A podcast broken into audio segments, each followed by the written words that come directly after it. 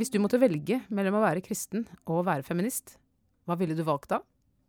Velkommen til podkasten Dokka fra Vårt Land. Jeg heter Åste Dokka, og dagens gjest er Stine Kiel Saga. Velkommen, Stine. Takk. Stine, du er jo prest og redaktør i Sankt Sunniva, som eh, vel er Nordens eneste feministteologiske tidsskrift. Ja. Hvordan, eh, hvordan endte du opp som eh, feministteolog? Ja. Jeg uh, har liksom sånn, et par sånne liksom feministteologiske oppvåkningshendelser si, som uh, kanskje satte meg i gang. Det, det, ene er rett og slett under studiet, profesjonsstudiet i teologi, som jeg gikk på Teologisk fakultet. Da hadde vi ganske tidlig i studiet sånn fag som handla om rit ritualer og sakramenter. Og da på en måte fikk jeg plutselig øynene opp for at uh, det kanskje var problematisk å på en måte omtale Gud som far og mann. Uh, jeg har alltid hatt en veldig sånn nært forhold til min egen far. Har aldri liksom tenkt på det problematiske i det. Og så ble det en veldig sånn ha-opplevelse for meg. da, forhold til f.eks. språk om Gud og liturgisk språk. Og så studerte jeg Sør-Afrika også. Feministteologi i Sør-Afrika. Så det var kjempeviktig for meg. Så da ble det sånn. Det var ikke noe vei tilbake. Det var ikke noe vei tilbake. um, hva slags type sånn kirkelig bakgrunn har du? Jeg er uh, døpt i Metodistkirken. Hele familien min er egentlig metodister. Men så bodde vi på et lite sted, og um, mamma og pappa blei med i den lokale kirka, liksom. Så da var jeg også der og begynte TenSing etter hvert og sånn. Og så uh, er det egentlig bakgrunnen min. Og så ble du prest i Den norske kirke. Ja. Uh, og der, der, er det rom for å tenke som du gjør. Ja, absolutt. Heldigvis. Mm. Jeg liker det. Eh, vår felles kjente Gyri Gunnes hun skrev en bok eh, en gang som het 'Å forkynne Guds ord klart og urent'. Mm. Har, har, du lest den? Eller? Ja, ja. ja. Elsker den. Mm. ja. Og der stilte hun seg selv et spørsmål, og det var det som jeg sa i begynnelsen her. Hvis jeg måtte velge mellom å være kristen og feminist, hva ville jeg valgt? Eh, hva ville du valgt, eh, Stine? Ja, altså Jeg ville jo valgt kristen, for for meg er det bare uløselig knytta sammen. Så det er på en måte ingen motsetning i det. Så da, da blir det det. Ja. Du, nekter, du vil ikke liksom akseptere spørsmålet? Nei, nesten ikke. Jeg, jeg, for meg det veldig, henger det veldig sammen, og jeg syns at det på en måte eh, Ja, altså i, i, min kristne tro da, og i min teologi så ligger på en måte mm, det perspektivet, eh, feminismen og rettferdighet, eh, både når det gjelder kjønn og andre ting, eh, ligger veldig sånn integrert. Eh, så, så, jeg føler at det rommer på en måte Kristen for meg rommer det feministiske òg, da. Men det er jo veldig mye patriarkalsk tankegang mm. dypt innvevd i kristendommen. Og det fins jo massevis av kristne ja. som ikke er feminister. Ja, ja, absolutt. Hvordan Nei. Hvordan kom dere til ulike konklusjoner? Nei, det er, jo, det er jo sånn det er da, i kirka og kristendommen. Altså, jeg mener Det er jo det som kan være litt utfordrende, men det er jo et ekstremt mangfold. Og fordi at vi har på en måte den tradisjonen vi har i forhold til skriftsyn, f.eks. Eh, ja, bibelsyn, da. Eh, og også altså, Jeg mener alle religioner har jo også et mangfold, men jeg tenker det er en av styrkene òg at det er så forskjellig. Og for meg så er det et sånt overskuddsprosjekt faktisk også. Selv om det er et veldig sånn kritisk prosjekt, og maktkritisk prosjekt, så er det også noe som gir meg så utrolig masse glede og inspirasjon. Og særlig i møte med bibeltekster så er det et sånt um, overskudds... Uh, en overskuddsfølelse da, i møte med bibeltekster. sånn, At jeg har på en måte den friheten til å være kritisk i min egen tradisjon. og ja, Vi skal snakke mer om ja. bibeltekster etterpå, for det er ganske spennende. Uh, men, uh, men, bare la oss holde litt fast uh, fortsatt med dette med det patriarkalske ved kristendommen. Mm. for kristendommen den ble jo til i en tid og på et mm. sted hvor menn hadde en helt annen posisjon enn kvinner. Og mm. det har jo avtegna seg mm. dypt og inderlig ja. i hele tenkninga. Mm. Kan, er det liksom Kan man røske ut det uten å endre på hele religionen? Det er kanskje ikke noe enkelt svar på det, men um, jeg tenker at det er jo En, en ting er kjønn, men også så tenker jeg at den, altså kristendommen også er bygd på en måte i en tid hvor f.eks. det var helt åpenbart at det å ha slaver var liksom greit og akseptert. Jeg tenker at det er såpass mange ting da, ved, ved den konteksten som både Bibelen ble skrevet i og den kristne troen oppsto, som vi på en måte allikevel sier at vi kan på en måte fortsatt være kristne og ikke ha slaver. At for meg så handler det litt om det samme. Eh, og jeg, jeg erfarer i hvert fall at det går an å eh, avvise på en måte det patriarkalske ved religionen. Eller i hvert fall altså For jeg tenker det er alltid Vi skal alltid fortolke på nytt. Vi skal alltid lese og fortolke ut fra levd liv og ut ifra vår kontekst og våre liv. Og da, da ligger det liksom i det også at det går an å på en måte avvise noe uten at alt blir på en måte ødelagt. Fordi at eh, jeg tenker jo at, er, at den kristne troa dypest sett handler om noe annet enn det patriarkalske, selv om strukturen er veldig veldig tydelig og har prega. Så hvis jeg hadde trodd at det var så innvevd at ikke det kunne øh, liksom være forskjellig, så hadde jeg kanskje ikke vært kristen. Men for meg så er det på en måte så mange andre ting da, ved kristen tro som er så frigjørende og viktig og um, håpsfylt at liksom det er øh, Det går an å, å gjøre det, da. Blir det for, for nei, ja, ja, nei, konkret? eh, men hva, tror du Jesus var feminist? Eller er Jesus feminist? Nei. Nei, for det er jo mange som snakker om sånn Jesus møtte kvinner på en, ja. på en fantastisk måte og sånn. Ja, det er jo både og, for å si det sånn. Det er jo nok Altså, det er jo fortellinger som både sier noe om at uh, Jesus møtte kvinner på en annen måte enn kanskje andre gjorde på den tida, men så er det jo også fortellinger som eh, viser at han ikke gjorde det. Så jeg tenker at Du kan ikke løsrive hele Jesus fra den tiden han levde i. Det er jo Hele poenget med inkarnasjonen er på en måte at Gud eh, kom til verden i, på et sted til en tid. Eh, så jeg, jeg vil ikke ubetinga si at Jesus var feminist. Ja, for den første liksom, feministiske teologiske bølgen den handla vel ganske mye om å prøve å grave fram de, liksom, de faktiske skattene som mm. finnes i tradisjonen og i Skriften. Ja. Som, hvor, hvor, det på en måte er eh, noen overraskelser hvis mm. man er en, eh, en mm. liksom, patriarkalsk tenker. Da. At her finnes det faktisk ressurser til ja. å tenke eh, annerledes som kvinner. Og det ligger i religionen allerede. Ja. Jeg tenker det var et veldig viktig arbeid. Og samtidig så har jo på en måte også da litt sånn senere bølger av feministteologi også på en måte vært litt kritiske til det prosjektet også. Um, uh, men jeg, jeg, tenker at det også Det som mye har blitt gjort også, er jo både spørre etter hva på en måte står ikke. Hva er det som er på en måte helt stille? Hva er det vi ikke hører om? Og det, der kan man jo hente fra andre kilder, f.eks. Andre skrifter fra samme tid, hvor man finner noen andre historier. Og så er det også eh, det som jeg kanskje er mest opptatt, opptatt, av, er jo også at det for, i Bibelen er så mange måte, fortellinger som bare har også blitt ignorert eller glemt eller ikke huska på. Så hvis vi, bare, hvis vi ikke bryr oss så mye om det andre som vi kanskje egentlig ikke veit noe om hvis man leser bibeltekstene, så holder det på en måte bare å begynne der. Mm. Og, og leite og mm. stille noen spørsmål. Så, så, tenker jeg at der er det nok av ting å ta tak i. da.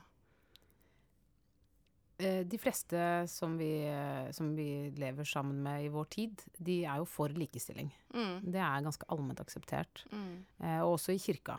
Mm. Men er feministteologi eh, er det det samme som å være opptatt av likestilling mellom kjønnene i mm. kirka?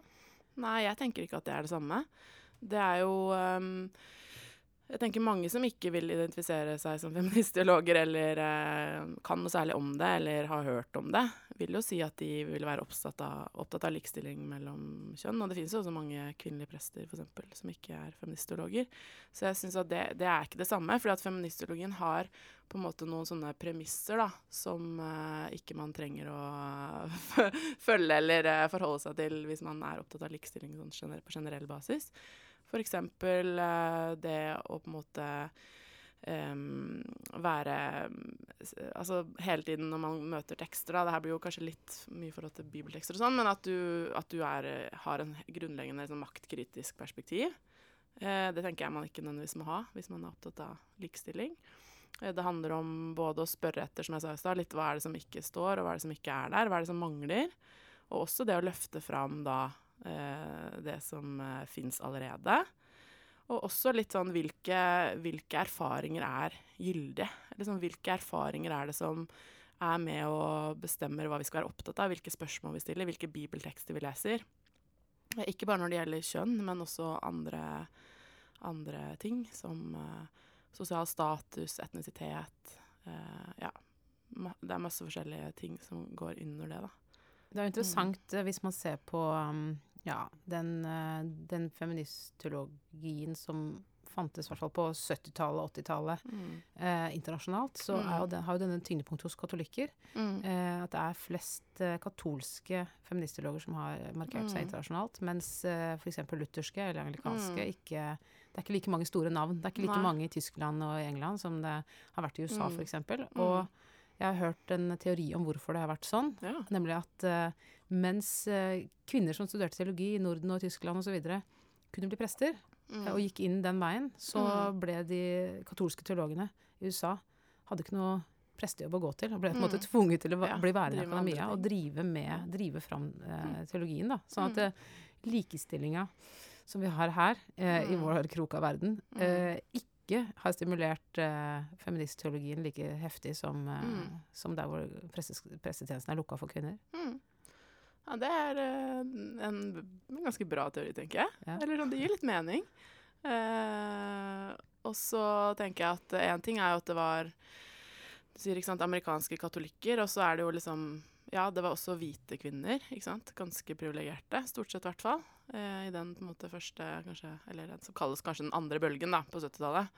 Eh, og det er jo noe som eh, også har utfordra feministteologien med rette, sånn som det har også utfordra feminisme generelt, er jo også eh, det større mangfoldet, og også alle de som på en måte sa at men hvite privilegerte kvinner kan på en måte ikke snakke på vegne av alle da, kvinner. Mm. Det her er så utrolig mye mer komplisert og sammensatt. Mm. Og det, man kan jo lett være blind også for sine egne privilegier og makt når man er hvit feministteolog. Ja. Eller sånn. Det er jo mest sannsynligvis. Hvilke, hvilke, andre, hvilke andre faktorer uh, som, et, som betinger et menneske, er relevante da, tenker du på?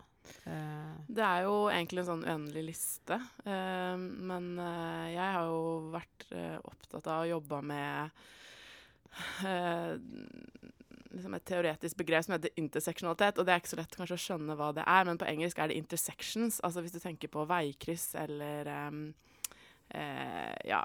Altså det handler om det sammensatte i liksom våre ulike, eller ulike deler eller sosiale kategorier. da. Så ikke sant, i tillegg til kjønn så er jo helt åpenbart eh, etnisitet eller bare farge eh, en faktor. Hudfarge. Eh, funksjonsnedsettelser, eh, legning, alder. Eh, ja, selvfølgelig klasse eller sosial status, eller hva du vil kalle det. geografi, kanskje? Geografi, sykdom, helse. Det er jo ekstremt mange ting som eh, er med å eh, påvirke hvem vi er og hvilke muligheter vi har. Og å se de her tingene i sammenheng, det tenker jeg er ganske avgjørende. Og- Og det blir ganske tydelig da, hvis du tenker at du skal, du skal gjøre en studie av um, afroamerikanske kvinner, og så slår du sammen en studie av hvite kvinner og afroamerikanske menn, og tenker at da vet du noe om afroamerikanske kvinner. Da skjønner man kanskje at det, det funker ikke. Derfor så trenger man en annen måte å nærme seg den kompleksiteten da, som utgjør særlig liksom, ja, ulike former for undertrykkelse. Hvor mange ting som faktisk spiller inn. Både når det gjelder liksom, undertrykkelse, men også når det gjelder privilegier da, eller makt. Uh, ja. Er, eh, er Gud mann eller kvinne? Det er sånn Ja. jeg, jeg tenker at Gud er eh, hevet over kjønn. At Gud er på en måte både mann og kvinne, eller, en, eller ikke mann eller ikke kvinne. Eh, eh, og så tenker jeg når vi har eh, kjønn i verden Men nå, jeg tenker jo at hvert fall vi som lever nå, vet jo at også det er ikke så enkelt som å bare si at det finnes to biologiske kjønn. Da. Det er faktisk større mangfold i også det med kjønn. Men jeg tenker at Gud er, er mer enn det. Men samtidig så snakker vi om Gud de, med det språket vi har, og i det vi kjenner til. Så jeg er ganske opptatt av å, mm, å bruke mm, også benevne Gud som kvinne. Eh, ja. Og det Ja. gjør jeg mm, veldig ofte. Når du Mm. eh, holder preken og Jeg gjør det mm, Jeg gjør det hvis Ja, jeg gjør det en gang i hvert fall hver preken. Da sier du 'hun' om Mm, Gud. Mm. Ja, og i gravfesttaler. Og eh, alle sånne skolegudstjenester, eh, konfirmasjonsundervisning har jeg selvfølgelig om Da har jeg jo mer undervisning om det, da. Hva liksom handler det her om? Hvorfor er det viktig? Hvorfor sier jeg hun om Gud, f.eks.? Mm. Um, og så sier jeg nok mindre han enn mange andre, eller jeg sier veldig sjelden han, og så sier jeg oftere hun. Og det er jo en, handler jo mye om en synliggjøring, eh, fordi at mange sier Gud er ikke mann eller kvinne, han er. Altså, det er veldig klassisk. Mm. Så for meg så er det jo ganske viktig at det er på en måte At det blir praksis, da. At, det blir, eh, at jeg lever det som prest. At ikke det er bare noe jeg snakker om eller skriver om eller er opptatt av, men at det faktisk eh, lever i livet mitt som prest. Og hvis du skal følge liturgien til Norsk kirke, så må du jo si 'han' Ja. ganske mange ganger om Gud. Og det gjør jeg. Ja, for Så, jeg mm. husker jeg telte igjennom Det var den forrige Mm. høymesseliturgien, da. Men jeg telte Ja. gjennom hvor mange ganger i løpet av en vanlig gudstjeneste vi omtaler Gud som Altså vi sier bruker et mannlig pronomen, Ja. eller ord som Mannlig herre, ord. konge, Ja. far Altså ting som er kun knyttet til menn. Mm. Og det er jo over 100 ganger i Mm. en vanlig liturgi. Og da kan du Og jeg er ganske sånn lojal mot liturgien.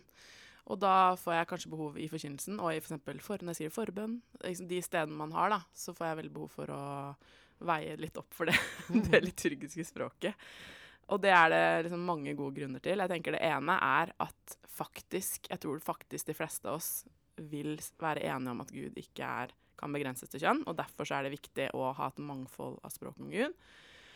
Og så er det også fordi at det faktisk finnes et så liksom, rikt metafor eller billedspråk i bibeltekstene om Gud, som også er Som vi bruker så fattig, da. Ja, og det er vel et pedagogisk siktemål her også. Jeg tenker på Mm. Når jeg ser barna mine se på TV, eller kanskje for noen år siden da de var litt mindre, så sitter de og sier sånn 'Jeg er henne. Jeg er han'. Mm. Og da, da De er alltid ute etter å speile seg i de Mm. karakterene som, Mm. de, som de ser, eller Mm. som, de, som, de, som de ser eller hører om. Ja. Um, og sånn er det jo i en gudstjeneste også. Man speiler seg hele veien i det man hører om. Eh, og dermed så Når man da kun sier 'han', så Mm. er det noen som ikke får speile seg på samme måte, da. For identifikasjonen er ikke like stor med noen av et Mm. annet kjønn. Og det er jo, eller sånn, Hvis man skal snakke i sånne termer sånn at det, noe er bibelsk, så er det noe som er bibelsk, så er det også å bruke kvinnelige metaforer og språk om Gud. Eh, og jeg opplever, da Jeg jobber jo en helt sånn vanlig menighet, hvor det er um, forskjellige teologiske syn, forskjellige bakgrunner, forskjellige aldre. Og eh, jeg, jeg har tror jeg, jeg har aldri opplevd at noen har kommentert negativt på at jeg sier hun om Gud, men jeg får veldig ofte eh, enten positiv tilbakemelding, eller at noen sier bare sånn 'Sa du hun om Gud?' Og så sier jeg Mhm. sånn ja, og så, så, så, så sier de ikke nødvendigvis noe mer, da. Um, så jeg opplever at det er ganske sånn Jeg tror det for veldig mange er det faktisk ganske sånn uh, både åpne, og det kan sette i gang noen tanker. Og det at liksom jeg som jobber en helt vanlig norsk kirke, menighet, med, med masse forskjellige typer folk, kan gjøre det så mye som jeg gjør, og oppleve at det blir tatt så godt imot, det tenker jeg også sier noe om at det er faktisk ganske viktig.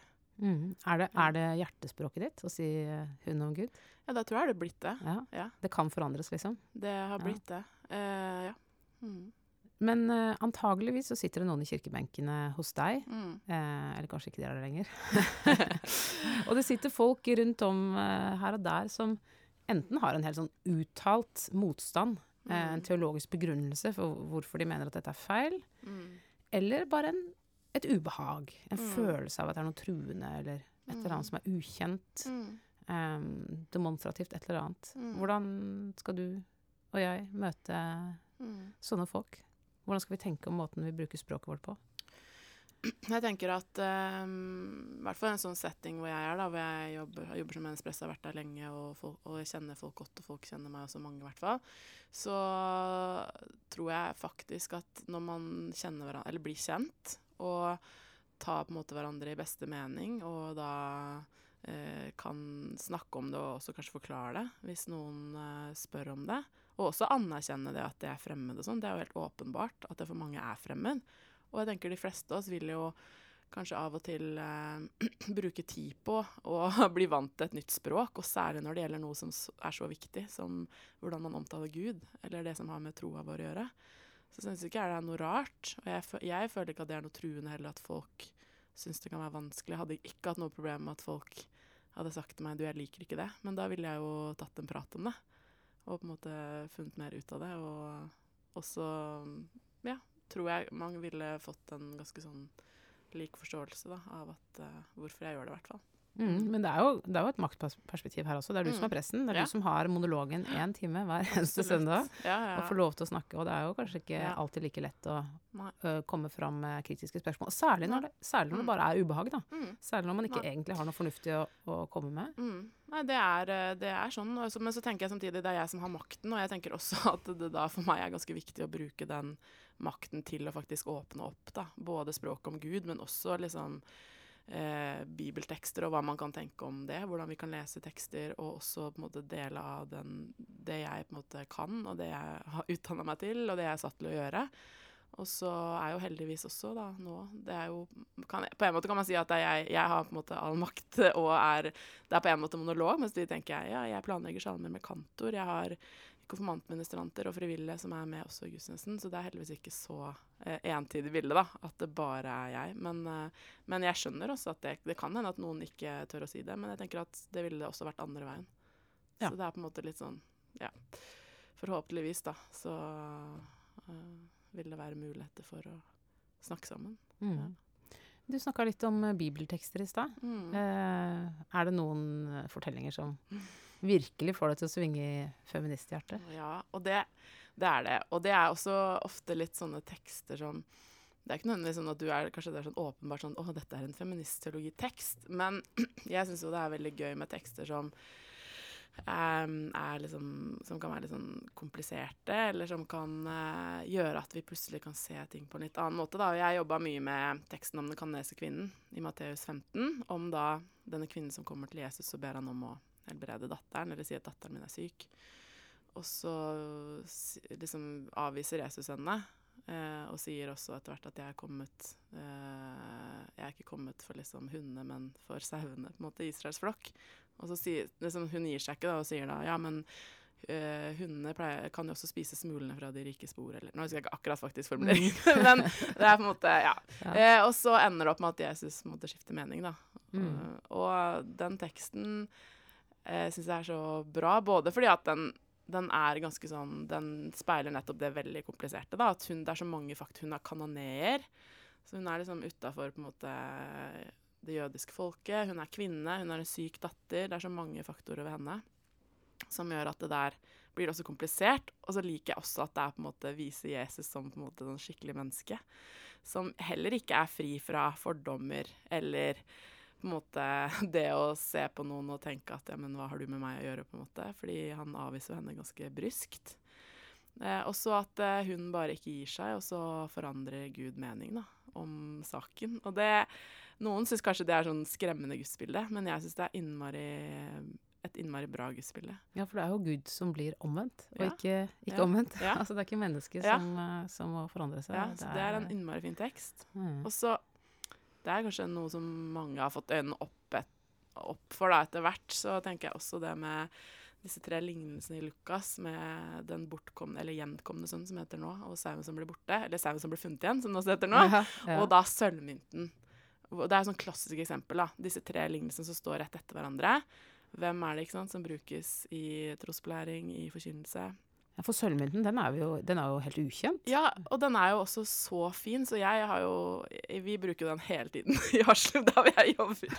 Og den er jo preketekst, og det er heldigvis ja. 17. mai og på mange ganger. Men eh, nei, det er også et klassisk eksempel da, på at eh, å, når plutselig Gud kan sammenlignes med en kvinne som koster og feirer hele huset for å lete etter den sølvmynten og ha fest med vennene sine når den er funnet, det er på en måte, det bildet har vi glemt litt. Og så står det der i evangeliet, Lukas-evangeliet og så, uh, fordi at jeg studerte i Sør-Afrika, så um, er det også mange tekster i Det gamle testamentet, sånn som teksten om Tamar i andre Samuels bok, kapittel 13, hvor Tamar blir voldtatt. Altså Tamar er datteren til David, og David og blir voldtatt av broren sin, ene broren sin. Og så er det bare en sånn Du tenker kanskje ikke at den teksten står i Bibelen, eller den er i hvert fall ikke tekstrekkende, ikke sant? Det er en mm. heftig tekst. Og David Det står liksom at han blir sint, men han gjør ikke noe.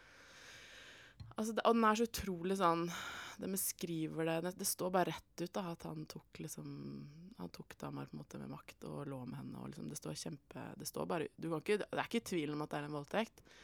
Og så står den der i, i vår hellige skrift, og så har den f.eks. i Sør-Afrika i fall ført til en sånn Tamar-kampanje som handler om at man jobber mot eh, seksuell vold, og også vold generelt, da, i parforhold. Kirkene har brukt den til å snakke om det her, som er ganske tabubelagt, ikke bare i Sør-Afrika, men her òg. Vold i nære relasjoner eller misbruk eller, misbruk eller seksuell, seksualisert vold. Så det at også bibeltekster kan, kan være sånne måte kilder til både å snakke om vanskelige ting, men også til å stå opp mot det. da. Det bare syns jeg er helt Altså, jeg, det er det noe av det beste, liksom. Jeg, da blir jeg veldig glad. Og det er interessant, for jeg tenker at eh, det, der blir jo Bibelen en ressurs på en annen måte enn når mm. det er mm. sånn eh, at alt som står i Bibelen er normativt. Mm. At David er jo en helt, så det Mm. han gjør er jo bra. Mm. Eh, Istedenfor å tenke sånn, så Mm. må vi tenke noe annet om Mm. teksten, og likevel få noe ut av den, da. Og det er det jeg syns er så gøy med å lese Bibelen, da, faktisk. Og, jobbe, og preke og jobbe med det. At det, det er eh, så mange veier inn. Det er så mange perspektiver man kan ta, og det er masse spennende og komplekse karakterer. Akkurat sånn som vi er det også. Ja, Mm. det er, det er veldig gøy. Og vi jobber jo på en måte både med teksten og mot teksten Mm. samtidig. Og det tenker jeg Mm. er Det ligger jo i um, hele dette feministteologiske prosjektet. For sånn som jeg tenker, da, så er Mm. kristendommen er patriarkalsk. Altså det, Mm. det er eh, en, Mm. en kvalitet, Nei, eller ikke en kvalitet, men en egenskap ved, ved kristendommen. Ja, ja. Det kommer man ikke ut av. Eh, sånn at, eh, at eh, når feministteologien liksom er- gjør sin jobb, da, så, Mm. er det, så er det et kritisk perspektiv som kommer til å være et kritisk perspektiv alltid. Mm, ja. Altså Det kommer ikke til å løse seg opp Nei. i en større, fin Nei. helhet. Man blir ikke ferdig Man med blir ikke ferdig med det. Og det handler om at både det hele det handler om å se på den tradisjonen man har, man har og se på hvordan den Både se det og løfte det opp og kritisere det, det som på en måte er undertrykkende og patriarkalsk, eller undertrykkende på andre måter, men også det perspektivet da, som jo er så, også så viktig, det rekonstruerende, ikke bare det dekonstruerende, altså det også å nytolke og bygge opp og gi nye måter å se ting på. Det er jo det det handler om. Det kunne jo vært fristende å lage en ny religion, da. Ja. Istedenfor å ha all den friksjonen. Mm, noen gjør jo, har, gjorde jo det av de første. Eh, sånn Mary Daly og noen av de første liksom, pionerene. Jeg tenker, For meg er det, jo, er det veldig li- lite aktuelt, for å si det sånn. Fordi jeg Mm. syns det er såpass mye bra. og såpass mye eh, Mange elementer som på en måte gir det, At det gir mening å stå i det, liksom. Hvordan er det med ditt eh, sånn personlige engasjement? Blir du, kan du bli litt lei av å skulle si hun en gang hver preken og Nei, for jeg føler ikke liksom at det er noe på en måte, Det er jo ikke noe jeg må. Altså Hvis jeg ikke har lyst til det, så kan jeg slutte med det. da. Eller sånn, jeg, eh, For meg er det feministologien er, et, er sånn ting som er prega mye av glede og overskudd. Det er Mhm. kanskje høres litt sånn kleint ut, men det er faktisk sant. glad, gladfeminist? Ja, jeg er glad feminist. Uh, Gladfeministolog. Nei, men det, er, det er faktisk sånn. Jeg, jeg opplever at det gir meg noen verktøy som gjør at um, At det er eh, enda mer spennende å jobbe med det jeg jobber med. Og jeg opplever også i undervisningssituasjoner, i forkynnelse og sånn, at det er noe som også gir måte gjenklang hos folk, både menn og kvinner. Um, men ja man, Jeg tenker de fleste av oss blir jo kanskje litt lei og sliten av og til av oss selv. Mm. Uh, Men Merete Thomassen skrev Mm. en gang i Vårt Land om dette med at hun egentlig ikke var egentlig ikke var så veldig opptatt av kjønn. Mm. Altså, hun er jo Ja. kjent som en av Norges eh, store feminister. ja, At, hun, at det hele tida altså Hun kunne ønske at hun kunne liksom bli ferdig med å snakke om Mm. kjønn, men, Mm. men det, det kunne hun ikke, for det tvinger seg fram hele tida. Mm. Eh, er, det, er det noe gjenkjennelig der? At du egentlig kunne ønske at du bare kunne slutte med det og begynne å snakke om realpresens og Mm. Ja. Altså, jeg, jeg tenker jeg gjør begge deler, jeg, som Mm. NS-prest. Jeg tror kanskje det handler litt om hvilke posisjoner man er. Hvis jeg hadde vært forsker, da, sånn som henne, og skulle blitt spurt om å uttale meg om ting eller holde foredrag, så hadde jeg kanskje kjent at det hadde blitt en sånn del som måtte hele tiden fram. Men i jobb som menighetspress så opplever jeg liksom at jeg gjør jo det andre også hele tiden. Det er ikke sånn at jeg alltid snakker om feministteologi, men det ligger jo der som en helt sånn grunnleggende måte for meg å se verden og se kirke og se teologi på. Så jeg tror på en måte det, det preger meg jo. Men når jeg også skal snakke om uh, nattvær eller om dåp eller om andre om de tingene jeg også snakker om, så, så bærer jeg det med meg. Men det trenger ikke å være noe eksplisitt eller tema i de tingene. Så jeg opplever faktisk at jeg gjør begge deler. Og at ikke det er sånn at folk alltid liksom forventer bare én ting av meg. Men det er jo Nå hører jeg at du er jo en, du er en gladfeminist. Ja. Men feminister er jo sure, det vet vi jo. Og det er jo mye å være sur for. Av og til kan jeg bli kjempesur. Jeg. Ja. Veldig, veldig sint. Ja, ja. Eh, og jeg vet at Absolutt. sinne ikke er så veldig appellerende. Det er ikke så koselig. Nei, sint Hva gjør du med Sint hva gjør du med sinnet ditt? jeg, jeg prøver jo å gjøre det om til eh, noe konstruktivt, da. Jeg er jo også kjem, altså jeg, også, jeg kan jo være kjempesint og frustrert og oppgitt, og det er jo en del av en del av livet, det òg. Så har jeg masse bra folk jeg både jobber med og snakker med, og uh, kan lufte frustrasjon til. Eh, men det handler jo litt om også å finne sånn OK, jeg er sint, jeg er frustrert, jeg vil på en måte ha noe annerledes. Hva gjør man med det? på en måte? Og det tenke at jeg prøver så godt jeg kan å gjøre noe med det. Eh, også ved å da sant, være redaktør i, i Sante Sunniva, som ja. er eh, feministologisk tidsskrift, som jo ikke har forskere som målgruppe, men som sendes ut til medlemmer i Norsk kvinneteologforening. Og så kan man abonnere også i tillegg. Og det er ganske mange som gjør det. Både menn og kvinner og folk som har forskjellige bakgrunner. Så den der er også um, litt sånn hva, hva, så, på en måte. Det lærte jeg litt i Sør-Afrika da. Mm. OK, du ser et problem eller en utfordring, hva så? Da må man jo på en måte prøve å finne ut av hva man skal gjøre helt sånn konkret. Mm. Og det er mm. ikke sånn at jeg alltid liksom klarer det, for all del. Eller at uh, på en måte det er, det er helt uh, topp stemning alltid. Men det er jo lov å være sint òg. Jeg tenker at det er ja, ja, en uh, legitim følelse. Det er, jo noe som, det er jo noe som Sinne er jo også noe som gjør at vi orker å fortsette. At man faktisk får energi og pågangsmot. Og sinne kan jo føre til masse bra ting. Men det er klart det å være sint kvinne er jo Eller sur prest. Altså sånn Det er like ille, på en måte. Eller sånn Det er som at folk er sånn Å, du vet sånn derre Å, ja, prester er så kjipe, men du er jo så flink, eller sånn. Ja. Å, du, feminister er sure, men du er jo ja. ikke sånn. Jeg vet ikke. Det kanskje er mer en fordom enn det er ja, reelt. Det er lys. Ja. Har du noen tanker om andre kirkesamfunn eller sammenhenger eh, som liksom er, eh, er mer patriarkalske enn det Den norske kirke er nå. Mm. Eh, hva, hva, tenker du? Jeg merker f.eks. at når uh, noen jeg kjenner konverterer til katolisisme, mm. så blir jeg dritsur. ja. er, det, er, det, teit av meg å si det? Nei, jeg vet ikke. Jeg blir, jeg blir, jeg blir ordentlig provosert. Og det er ikke fordi at ikke det ikke finnes mye bra i den katolske kirke, det gjør det jo. Nei. Men likevel så tar jeg det skikkelig personlig. Mm.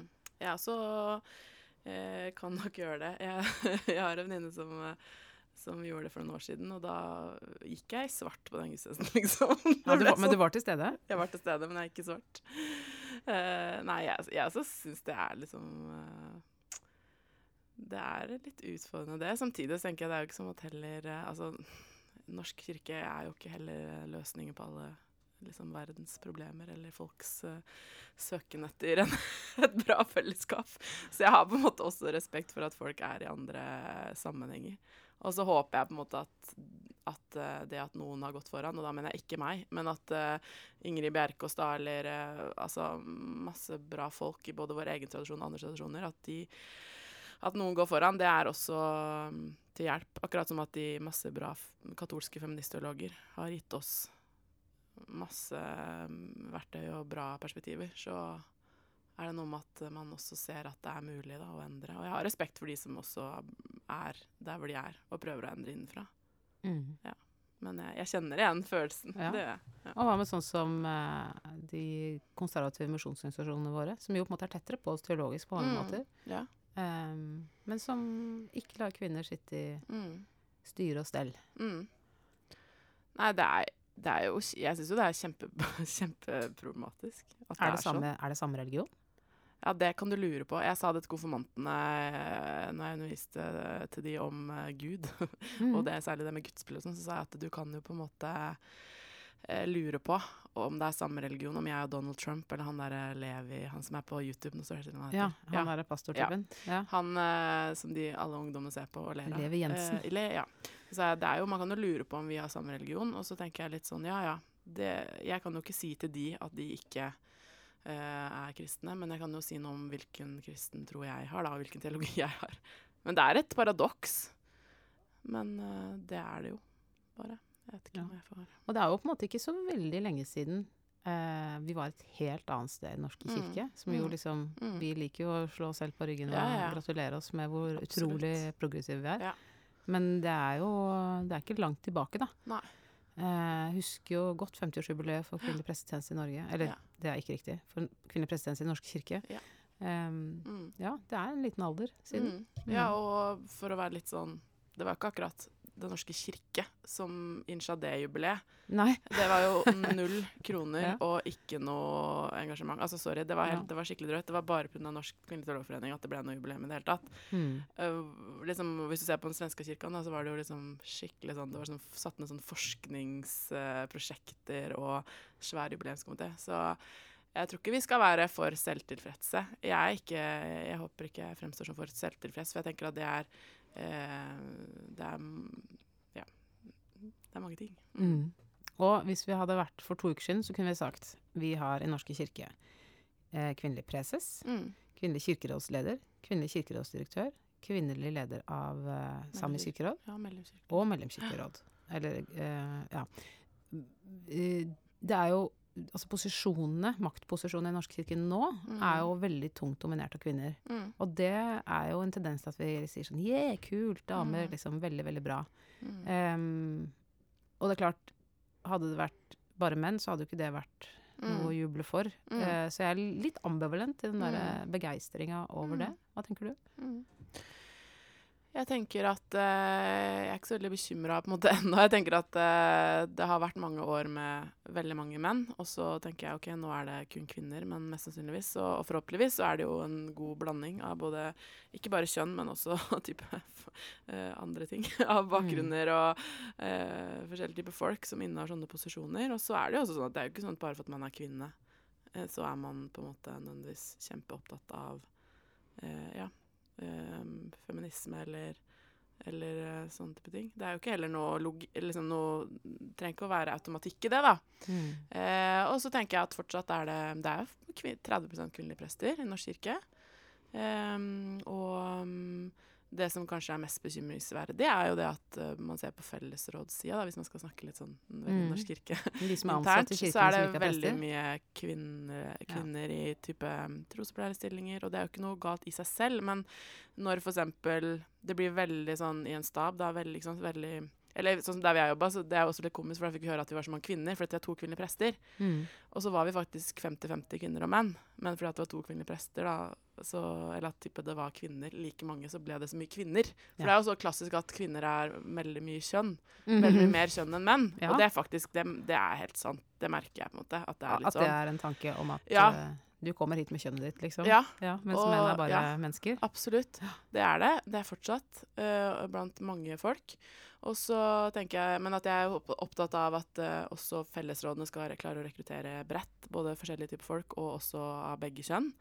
I undervisningsstillinger og diakonistillinger og sånn. Så det er jo noe som måte man må jobbe med over hele fjøla. Uh, så jeg tenker at det er jo absolutt det er jo ikke noe mål om at det skal bare være kvinner som jobber i kirka. Og det er også interessant hvis man ser på hva handler det om. Handler det om status, om utviklingen også av presteyrket eller andre typer yrker i kirka, da. Akkurat litt som sykepleier, da, eller skal man se på andre typer yrker hvor det blir veldig kvinnedominans.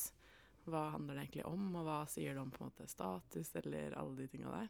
Mm. Men, og jeg har ikke noe svar på det, men jeg syns det er ganske interessant å følge med på det. Og så er jeg litt opptatt av at det, for eksempel, da, at det er Det er derfor jeg tenker det blir interessant med kirkeordning sånn også, hvis alle skal ansettes på et liksom lavt nivå, eh, prostinivå eksempel, så tenker jeg at hvis hensynet til kjønnsbalansen i stabene veier veldig tungt, og det er veldig mange kvinner på fellesrådssida, hva gjør det med kvinnelige prester sin Mm. mulighet til å få jobb? Eller sånn, Det er jo ganske mange ting her, da. Ja. Jeg vet ikke om jeg kommer langt ut på viddene, men det her er i hvert fall sånn, ganske sånne viktige ting å, å se på og ha med det perspektivet på. Mm. Ja. Hvor tror du Den norske kirke Hvor tror du Den norske kirke er uh, når du blir pensjonist, eller Ja. om noen år? Altså Med tanke på dette, disse tingene her, da. Er, er det um, gjennomsyra feministisk tenkning? Ja, det tror jeg aldri kommer til å skje. Eh, Og er det noen fallgruver der? Jeg sånn, bare tenk på svenske kirka, hvor du ikke blir ordinert hvis du ikke Altså hvis du er mann mm, mot kvinnelige prester mm, eh, og har lyst til å, å bli prest i svenska kirken, så Mm. får du ikke ordinasjon av biskopen. mm, Um, hvor man på en måte har stengt den muligheten. mm. Er det Er det bra? Altså, jeg veit jeg, jeg, jeg, jeg vet ikke helt hva jeg mener om det, egentlig. Jeg, jeg tenker jo at uh, det skal være lov å være mot kvinnelige prester. Eller at det, skal, det må være lov at man har forskjellige syn, også i saker som har på en måte vært har vært stor uenighet om både lenge og kort. Uh, men samtidig så Altså, det er kanskje det Jeg tenker det er drøyt Jeg syns det er litt drøyt at folk blir nekta ordinasjon. Men jeg tenker på hvilken bakgrunn blir man det. Fordi hvis man som da mannlig prest som, ikke, som er imot kvinnelige prester, ikke kan f.eks. samarbeide med kvinnelige prester, ikke ha en kvinnelig sjef, eh, så tenker jeg da eh, da tenker jeg kanskje at det kan være grunnlag for at man kanskje ikke kan få jobbe i den kirka.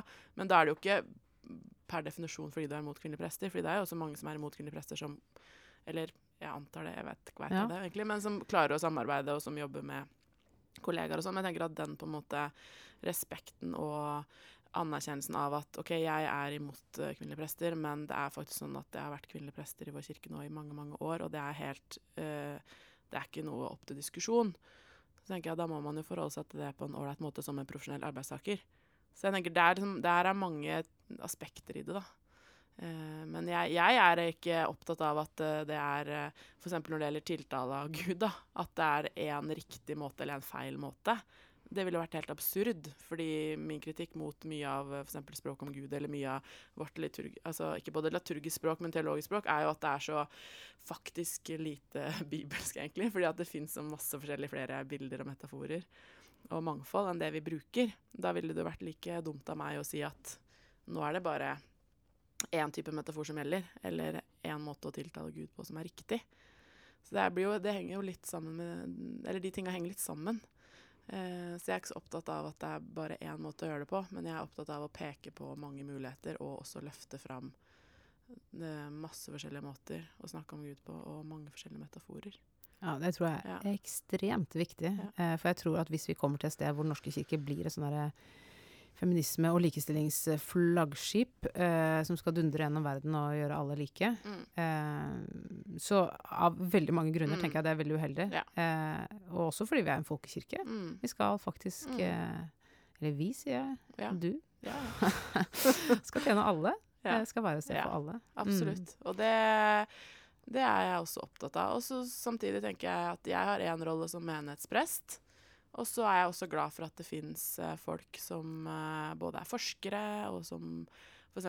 Gyrid. Nå er jo Gyrid, Gyrid Gunnes også prest, men at det er også noen som på en måte utfordrer og kanskje liksom kjører såpass hardt på at noen blir veldig sånn ja. Får veldig avsmak. Men jeg tenker at det trenger vi. Og det er ikke Jeg syns ikke alltid at det kan være meg som gjør det når jeg jobber som menighetsprest. Jeg kan gjøre veldig mye, men det er ikke kanskje alltid jeg som kan gå hardest ut eller mest liksom kjøre mest på, selv om jeg også kan gjøre det. Så tenker jeg det er ganske viktig at man har noen som gjør det, da. Og som, eh, som stiller spørsmål, og som sier sånn OK, hva er det det her egentlig er, mm. eller hva handler det her om, eller hvordan skal ja. vi gjøre det? De som er litt mer ubundet. Mm. Mm. Til sist nå, du uh, er på reisefot. Du skal til uh, Sør-Afrika ganske mm. snart. Mm. Hva er det du skal gjøre der, foruten å få deg litt sol? Ja, der skal jeg ha studiepermisjon og jobbe med white privilege. Veldig gøy. Ja. Eller white fragility. Altså hvithet, egentlig, skal jeg prøve å jobbe med. Lese meg opp på det. Eh, og så skal jeg også jobbe litt med uh, den Evangelical Lutheran Church of South Africa, som um, er sånn vennskapsbispedømme med Oslo bispedømme. Og der skal jeg besøke menigheter og være med på gudstjenester og sånn, og, og, høre med prester og sånn, hvordan de jobber også. Hvordan de bruker f.eks. bibelstudier, da når de f.eks. møter masse fremmedfrykt, som også man har i Sør-Afrika nå, kjempehøy arbeidsledighet og masse folk som kommer fra hele sørlige Afrika for å få jobb. Og det fører til også mye eh, etnisk basert vold. Og, og masse utfordringer. Så lurer jeg også på hvordan kirka der jobber med det. Om vi kan også lære noe av det. Så det gleder jeg meg til. Ja, Så får du sikkert rikelig anledning til å Noen kommer sikkert til å si sånn Uh, nå kan du si noe. Du er prest. Ja, ja, ja. Holde en preken på sparket. Ja. Det blir bra, det? Ja, det blir bra. du, Stine, tusen takk for at du ville komme hit. Uh, du har hørt på podkasten Dokka fra Vårt Land, og jeg heter Åste Dokka. Produsenten i dag har vært Sondre Bjørdal. Og vet du hva? Du kan abonnere på Vårt Land digitalt for bare 10 kroner for 100 dager. Les mer om de vilkårene på vl.no tilbud. Den lenka ligger også i beskrivelsen av denne podkastepisoden på spilleren din. Ha en fin dag.